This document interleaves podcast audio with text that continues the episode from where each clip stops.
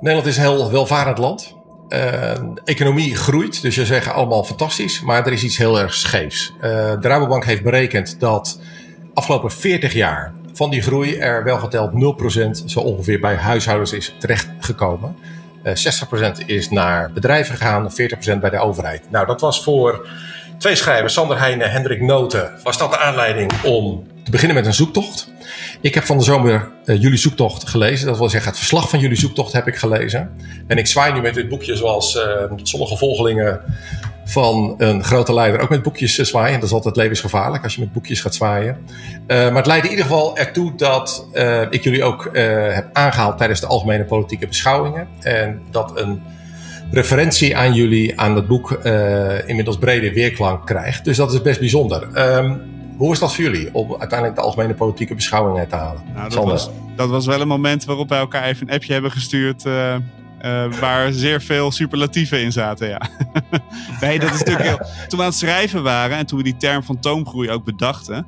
toen had ik wel steeds een beetje in mijn hoofd van... ik hoop dat het ooit tijdens een debat in de Tweede Kamer... dat die term gewoon een keer valt dat was een soort van droom van, nou ja, als dat gebeurt, dan zou dat heel fijn zijn. Maar dat überhaupt het boek zelf onderwerp wordt eigenlijk van, het, van wat er besproken wordt in een van de belangrijkste politieke ervaringen.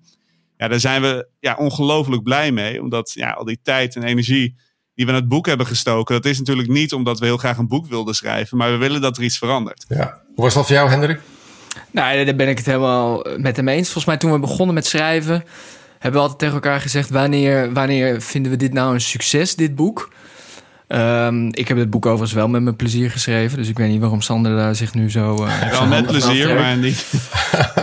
en, en toen zeiden we tegen elkaar... Het, het zou voor ons een succes zijn als het lukt om, om, om een nieuwe taal het debat in te brengen. Een nieuwe taal die, die dit probleem uitdrukt. En in die zin is, is het, het feit dat het letterlijk dat lukt in, in een van de debatten... Uh, ja, dat vond ik wel heel bijzonder om te zien. En ook, ook heel gaaf dat dat toch een doelstelling was eigenlijk van ons. Ja, ja. check. Je kunt hem gewoon van de lijst afschrijven. Dus dank daarvoor natuurlijk, ja. Nee, uh, graag gedaan. En met veel overtuiging. jullie hebben Fantoomgroei geschreven samen. Journalistieke achtergrond. maar kun je nog iets meer over jezelf vertellen? Ja, uh, ik heb zelf, Hendrik Noten mijn naam. Ik heb zelf geen journalistieke achtergrond. Ik heb uh, vier jaar lang um, als beleidsmedewerker uh, gewerkt. En dat deed ik eigenlijk in het hart van wat we nou ja, de polder zouden kunnen noemen. de wereld van werkgevers en um, van de vakbonden. En ik werkte daar voor AWVN, dat is Algemene Werkgeversvereniging Nederland. En ik zat heel dicht op het speelveld van cao's, van onderhandelingen over cao's, van loonstijgingen, reorganisaties en, en dat hele gebeuren. Uh, dus ik heb die wereld uh, van heel dichtbij meegemaakt. Uh, daar de hele goede dingen van gezien, maar ook de dingen die, die minder goed gaan. Nou, daar kunnen we zo meteen misschien wel eventjes nog opkomen.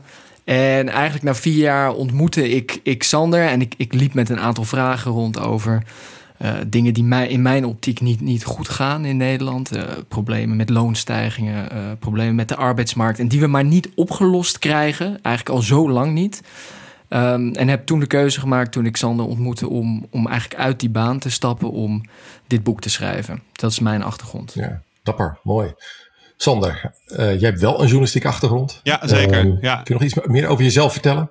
Ja, ik ben Sander Heijnen. Ik ben mijn loopbaan begonnen uh, nou, echt begonnen in 2010 bij de, op de economieredactie van de Volkskrant. Toen werd ik eigenlijk voor het eerst geconfronteerd met uh, sociaal-economische kwesties waar ik eigenlijk, ja, die eigenlijk redelijk langs mij heen waren gegaan hè, als student in Nederland. Ik heb daarna veel geschreven ook over marktwerking in de publieke sector. En uiteindelijk had ik daar in 2018 een boekje over geschreven. Ik heb hem maar even snel uit de kast getrokken net. Er zijn nog 17 uur wachtende voor u. En ik had het boek net afgerond en toen kwam ik Hendrik uh, tegen, een beetje in diezelfde periode.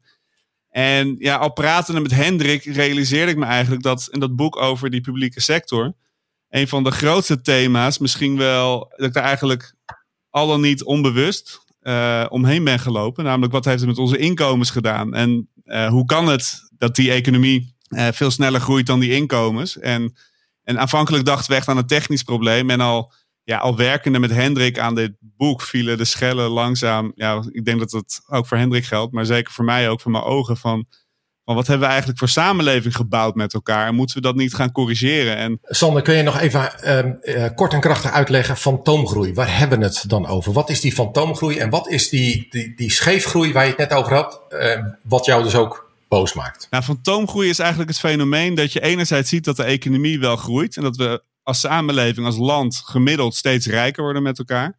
Maar dat je op hetzelfde moment ziet dat uh, steeds meer mensen afhankelijk zijn van de voedselbank. Of dat er steeds uh, meer mensen moeite hebben om aan een betaalbare woonruimte te komen. Of dat er uh, leraren tekort ontstaan. Of te weinig handen aan het bed. Of dat je aan het begin van een, van een pandemie helemaal geen beschermende kleding blijkt te hebben. Dus grofweg, we zochten een term om het fenomeen te duiden dat de economie wel enorm groeit, terwijl steeds rijker worden.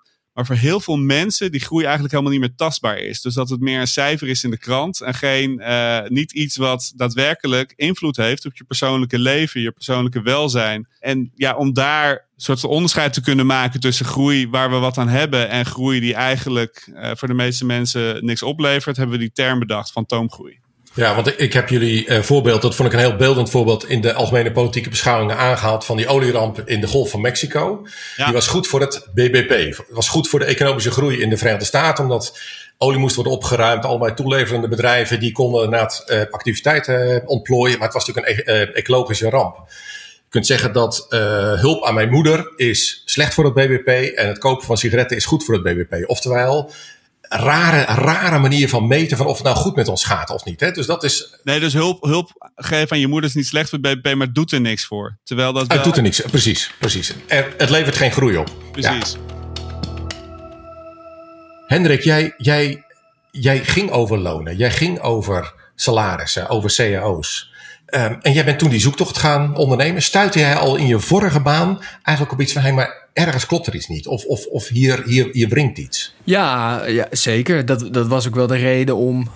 We zijn het niet voor niets, niet voor niets gaan doen. Kijk, ik denk als je kijkt naar Nederland, dan is er een, dan is er een beetje een gek, uh, gek iets aan de hand. Namelijk aan, dat we aan de ene kant rijker zijn dan ooit. Maar dat we aan de andere kant steeds minder mensen dat ook zo ervaren zelf. Um, soms denken we wel eens dat het iets met goede en slechte mensen of zo te maken heeft. Weet je wel? Of iets met moraliteit. En wat ik daar heel erg heb geleerd en tegenkwam, is dat het daar absoluut niks mee te maken heeft. Nederland kent heel veel werkgevers en heel veel ondernemers die echt, echt waar het allerbeste willen voor hun bedrijf en ook voor hun mensen die onderdeel zijn van het bedrijf. Maar die mensen zijn wel allemaal onderdeel van een speelveld van een systeem, van een speelveld met spelregels dat we met elkaar hebben gemaakt. En dat, dat speelveld dat dwingt ze wel om uh, de verkeerde dingen te doen. Hoe dan? Hoe dan? Hoe werd jij gedwongen, als je aan die CEO-tafel zat of dat voorbereiden, werd jij gedwongen om verkeerde dingen te doen? Nou ja, het, heel, het bekende voorbeeld is, bijvoorbeeld, is natuurlijk de flexibilisering op de Nederlandse arbeidsmarkt, die de afgelopen 10, 15 jaar 20 jaar zelfs ongelooflijk is toegenomen. Meer dan een derde van de mensen werkt inmiddels op een, in een flexibel arbeidsverband. Dat maken we met elkaar mogelijk. Dat is geen natuurverschijnsel. Dat is gewoon de uitkomst uh, van de spelregels die we met elkaar hebben afgesproken. Nederlands schiet daar ook heel erg in uit, internationaal. En het probleem wat je daar natuurlijk altijd krijgt, is dat wanneer, zelfs als je het niet wil doen, dat wanneer de buurman het wel doet, dat het voor een bedrijf ongelooflijk moeilijk is om daar in je eentje uit te stappen. Het is ongelooflijk moeilijk om te zeggen, nou, ik zou eigenlijk duurzamere keuzes willen maken. Maar ja, dit is nou eenmaal het speelveld en ik wil ook niet uh, eraf gekukeld worden. En wat je dan dus voor dynamiek krijgt, is dat je dan gaat proberen om, om, om toch aan elkaar uit te leggen dat het allemaal zo kwaad niet is. Um, terwijl wat je eigenlijk zou moeten zeggen is: we moeten met elkaar uit dit spel gaan stappen. We moeten hier eigenlijk gewoon met elkaar collectief mee kappen. Maar voor het individu is dat ongelooflijk moeilijk. Mijn poging, in ieder geval mijn keuze, was dus om ook uit het spel te stappen door middel van dit boek. Ja. Heb jij reacties van je oude collega's uh, gekregen van mensen uit die polder? Die zeiden, Hendrik, je radicaliseert. Of uh, wat heb je nou weer geschreven? Heb je, of, of, of juist uh, waardering. Wat voor reacties heb je gekregen? veel waardering. Ik had inderdaad verwacht dat dat tegen zou vallen. Omdat ik, ik vond het spannend. Want ik dacht, nou, ik doe iets waarbij ik echt afstand neem op een bepaalde manier van die wereld. Maar doordat wij heel erg bewust in dat boek proberen om echt het uit de politieke kleur te trekken. Dus om, om, om niet te zeggen het is een links issue, het is een rechts issue, of het is voor vakbonden en tegen werkgevers, maar echt. Het gaat uiteindelijk om de vraag naar wat voor samenleving willen we met elkaar toe. Merk ik dat dat wel op heel veel uh, ja, toch wel op veel waardering kan rekenen. Ja. Maar toch één uh, tegenwerping, Sander, kom ik even bij jou, is uh, een heel ander soort boek, namelijk uh, Piet Hein van Mulligen. Ja. die heeft gezegd, joh, het, het, gaat allemaal lekker, het gaat allemaal prima, we verdienen meer, we worden ouder, gezonder, kunnen allemaal studeren. Alle seinen staan op groen. Jullie, jullie zijn dan toch een beetje somberaars vergeleken met, met zijn verhaal. Hoe, hoe, hoe lees je zijn verhaal? Nou ja, kijk, gek genoeg, ik denk dat, dat zijn boek en zijn stellingen eigenlijk uh, uh, ook wel weer illustreren waarom ons boek zo nodig was. Kijk, hij kijkt heel erg naar de macrocijfers en komt tot de conclusie: het is wel goed zo. terwijl wij, als je gewoon op de samenleving, op de grond kijkt en met mensen praat, ja, je kan moeilijk bij de voedselbank gaan staan en denken van, nou ja, die mensen die moeten niet zeuren, want het gaat beter met Nederland dan, uh, dan 30 jaar geleden. In algemeenheid gaat het beter. We zijn rijker dan ooit. Alleen hoe rijker we worden, hoe meer het begint te wringen dat er nog zoveel armoede is. Dus die grote gemiddeldes waar hij naar kijkt, die zijn eigenlijk, uh, en daar gaat ons boek natuurlijk ook over, die zeggen eigenlijk te weinig over hoe het echt met, met, met ons gaat. En hoe het echt met de bevolking gaat om daar op basis daarvan uitspraken te doen. En volgens mij is voor een goede en een sterke samenleving is het veel relevanter om te kijken hoe heeft die onderste 40% het. Nou ja, hoe kijk ik dus naar dat boek? zijn boek is eigenlijk een pleidooi nou ja, ik weet niet precies wat zijn pleidooi is, maar uh, de, de, de suggestie die je doet is Nederland is af, niks meer aan doen en mensen die het hier niet goed vinden zijn zeurpieten. En wij kijken om ons heen en wij denken dat daar wel wat kanttekeningen bij te maken zijn. Ja, want als we even opsommen, dan uh, als ik uh, jullie boek probeer te reproduceren, dan uh, zeggen jullie fixeer nou niet zo op dat BBP, alsof dat de maat der dingen is. Hè? Dus die, die, die economische groei, die zegt helemaal niet of het per se beter met ons gaat. Um, de welvaart die we hebben, verdeel die nou eerlijker. En zorg inderdaad dat, dat uh, we minder schulden maken. Want jullie leggen ook heel, heel nadrukkelijk de vinger bij, bij schulden. Uh, die huizenprijs die eigenlijk een bubbel is geworden en daarmee onbetaalbaar voor een deel. En eigenlijk die groeiende kloof tussen, nou ja, wat jij net zei Sander, die 40% die toch een beetje langs de kant dreigt te geraken. Um, en de rest van die samenleving zorgt dat die kloven niet groot worden, maar juist juist kleiner worden. Wat ik er nog aan toe zou willen voegen is dat je, uh, als je nog, nog iets verder uitzoomt van dat, dat het, wat wij in het boek willen laten zien, is dat het oké is om na te denken over wat voor soort samenleving je wilt. En durf daarin te sturen. Dus, dus, dus we doen nu net alsof het zich allemaal langs natuurwetten ontwikkelt, die hele economie en die hele samenleving. Maar dat is niet zo. Het, het ontwikkelt zich precies in welke richting we het duwen. We hebben het afgelopen 40 jaar laten in een richting geduwd waarin het oké is om jezelf te verrijken ten, op, ten koste van bijvoorbeeld het klimaat, van de natuur, van, van mensen met een zwakke sociaal-economische positie. En wij zeggen, als wij dat oneerlijk vinden, als je dat onterecht vindt, dan is het heel erg oké om een samenleving te zeggen: wij willen maatregelen nemen om de natuur te beschermen. We willen maatregelen nemen om mensen aan de onderkant van de arbeidsmarkt te beschermen. We willen, ja, wat eigenlijk het pleidooi is van politiek, het is oké om in te grijpen in de economie, om een samenleving te bouwen die prettiger is dan de huidige samenleving. Ja. En, en, en, wat jij opzonde zijn dan allemaal soort van submaatregelen daarvan. Ja. Eigenlijk een uh, collectief gesprek. Wat is van waarde? Wat, wat vinden wij belangrijk? Precies. En stellen we dat voorop? Of is dat inderdaad alleen het BBP wat ja, eigenlijk maar een beetje een gemarkeerd uh, instrument is? Absoluut als ik jullie zou, politiek zou moeten inschatten, zou ik zeggen, nou, dit is een PvdA-verhaal. Namelijk, het moet rechtvaardiger. De kernboodschap van Lodewijk Asscher resoneert ook in jullie boek.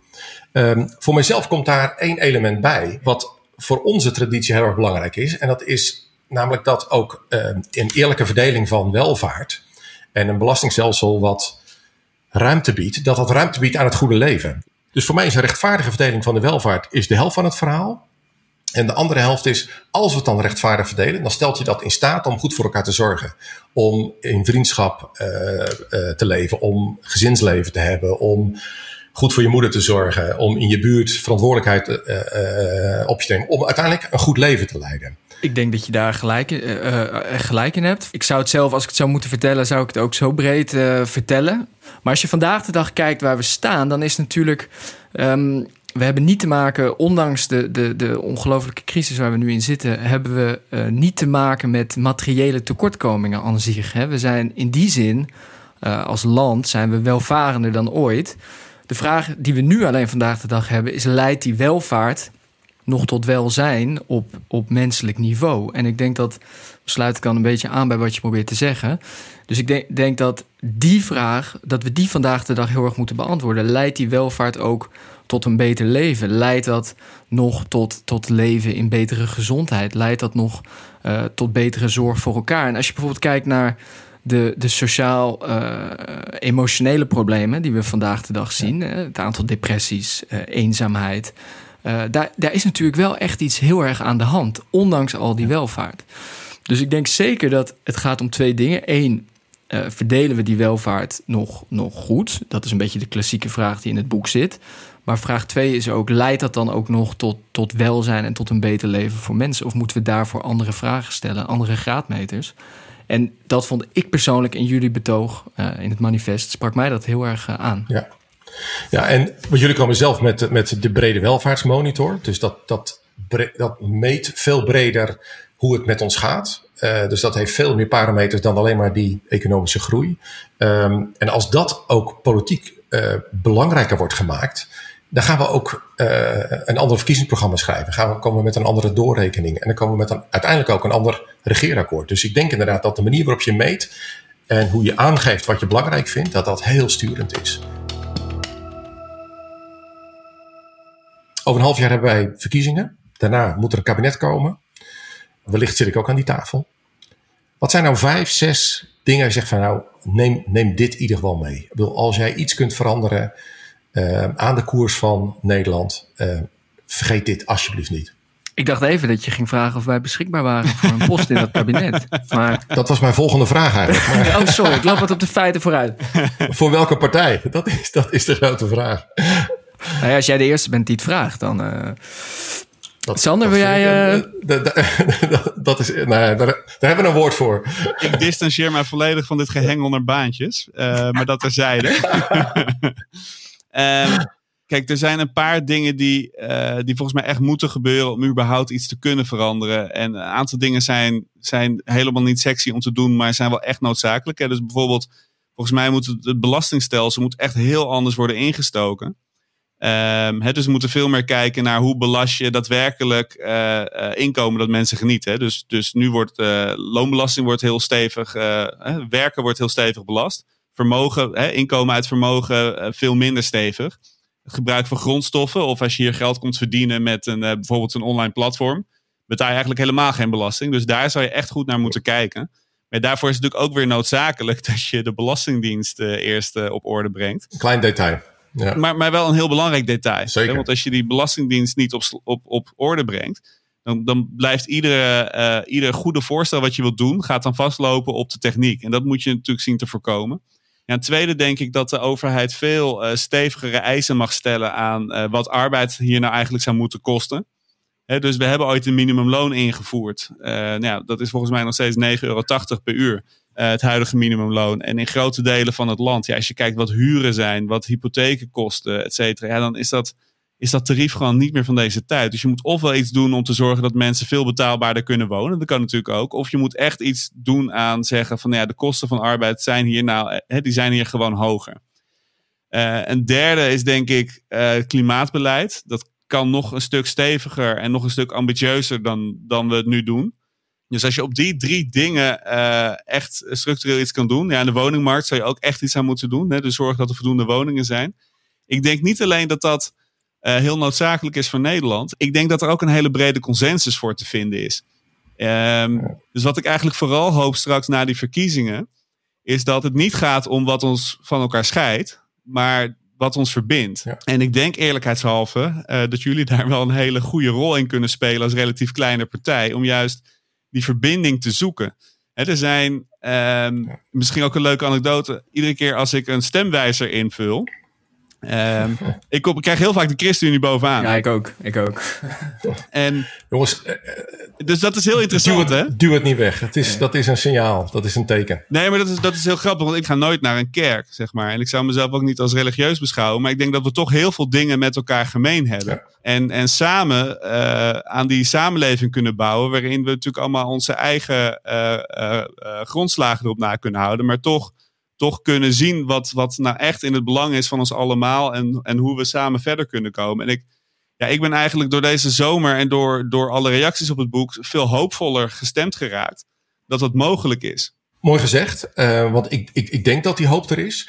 Uh, misschien is het debakel van de dreigende afschaffing van de dividendbelasting... was dat de, de, de, de laatste zwanenzang van het rauwe kapitalisme. Ja. Um, en, en is dat ook een keerpunt in de VVD geweest. Dus daarna heb ik Rutte dingen horen zeggen over het grote bedrijfsleven... over salarissen, uh, over bedrijfsleven wat weer dienstbaar moet zijn. Nou, we hebben het bekende voorbeeld van Klaas Dijkhoff over het oude Philips gehad... waarin die een vorm van bedrijfsleven centraal staat. En zeggen, ja, maar het kan ook echt anders. En, dat, het, en de spirit die er toen was, die uh, zie je nu ook bij veel familiebedrijven, bij uh, uh, MKB'ers.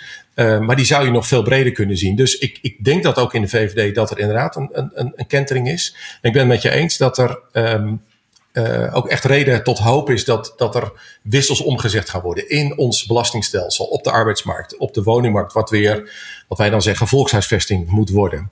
Dus wat voor kabinet daarbij hoort, we gaan dat zien. Maar ik denk dat potentieel dat dat dat het echt anders kan. En wat ik het, het krachtige vind en wat ik het hoopvolle vind is, uh, en dat, daar is jullie boek een voorbeeld van, de kracht aan ideeën. Dus als je met, een, een, met feiten komt en met een krachtig verhaal hoe het anders kan, ook daadwerkelijk anders kan, dat, dat, uh, dat, daar, nou, dat je ook inderdaad dat dat zo'n uitwerking kan hebben dat die wissels ook daadwerkelijk kunnen worden omgezet. Ja, ik denk dat die wissels alleen worden omgezet. Hè, ook, dus als, als partijen en juist ook kleinere partijen, zoals die van jullie, uh, daar ook echt gewoon heel erg scherp op blijven. Ja, nou wij zijn, wij zijn natuurlijk traditioneel geen machtspartij. Wij zijn niet een partij die per se op een zetel uit is in de, in de treffenzaal. Maar ideeën zijn altijd belangrijk. Dat is de reden waarom mensen lid worden, waarom ik eh, actief ben. Dus um, als het behoud is van de status quo na de komende verkiezingen, als het meer van hetzelfde is, ja, dan zie ik geen enkele reden om mee te doen. Dus in die zin kun je ook echt inderdaad een middel zijn om die wissel om te zetten. Dus zou je ook een breekijzer kunnen zijn in verandering.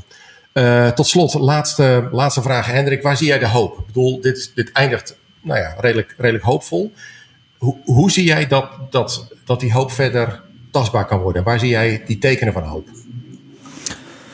Uh, op een paar niveaus. Ik zie het eerste teken van hoop, vind ik dat er echt weer in de politiek weer een soort ideeënstrijd plaatsvindt. En, en die komt voort uit de wil van het moet anders. Ik vond daarom deze uh, algemene politieke beschouwing, maar ook die van vorig jaar al, echt opvallend. Omdat je ziet gewoon dat, dat el, elke partij eigenlijk bezig is met het zoeken naar, naar waar moet het naartoe vanaf nu.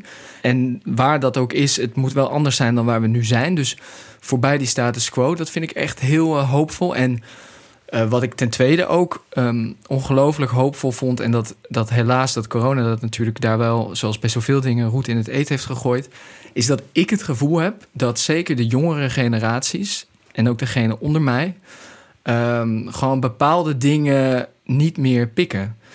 Dus die, die, die zijn ook klaar met die status quo. Die zien, die snappen dat voor hun toekomst en die van hun kinderen, en dat zit natuurlijk meer op het klimaat, maar dat er echt dingen moeten gebeuren.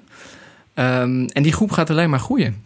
En ik denk dat, dat die ook uh, het systeem gewoon nog meer en meer uh, de andere kant op gaan duwen. Dus ik ben eigenlijk ook heel hoopvol over wat ik aan gewoon jong activisme ook overal zie. En die zijn echt al veel jonger dan wij. Toen ik, je, kids van 16, 17, 18 jaar, toen ik die leeftijd had, stond ik echt niet op het Malieveld voor het klimaat te demonstreren. Wat deed je wel dan? Ja, dat is voor een ChristenUnie-podcast denk ik niet. Uh, um, maar ik, ik denk vind, dat ik, dat... Ik vind het een mooie afsluiting. ja, nee, maar ik denk dat dat een niet te onderschatte kracht is. Ik denk echt dat ja, het een niet eens. te onderschatte kracht eens. is. Ja, zij willen, zij willen van betekenis zijn. En ze willen echt ook ja. deel uitmaken van een beweging ten goede. Ik zeg nog één keer, uh, fantoomgroei. Uh, fantastisch geschreven. Een mooi verslag van een hele integere zoektocht. Nou, hoe kan het toch dat het zo scheef zit en dat het zo misgaat? En hele mooie antwoorden, hoopvolle antwoorden. Dus veel dank. Het, ja, jullie waren een van de boeken die op mijn stapel lag deze zomer. En uh, ik ben heel blij dat ik het heb gelezen. Kijk. Uh, en het heeft mij, zoals jullie hebben gezien, geïnspireerd ook bij het schrijven van mijn eigen manifest. Waar ik inderdaad ook een christelijk-sociale toevoeging aan heb uh, toegevoegd. Maar mooi, dank, dank nogmaals voor het boek. Dank voor het gesprek. En tot een volgende keer. Tot de volgende keer. En succes met het goede werk.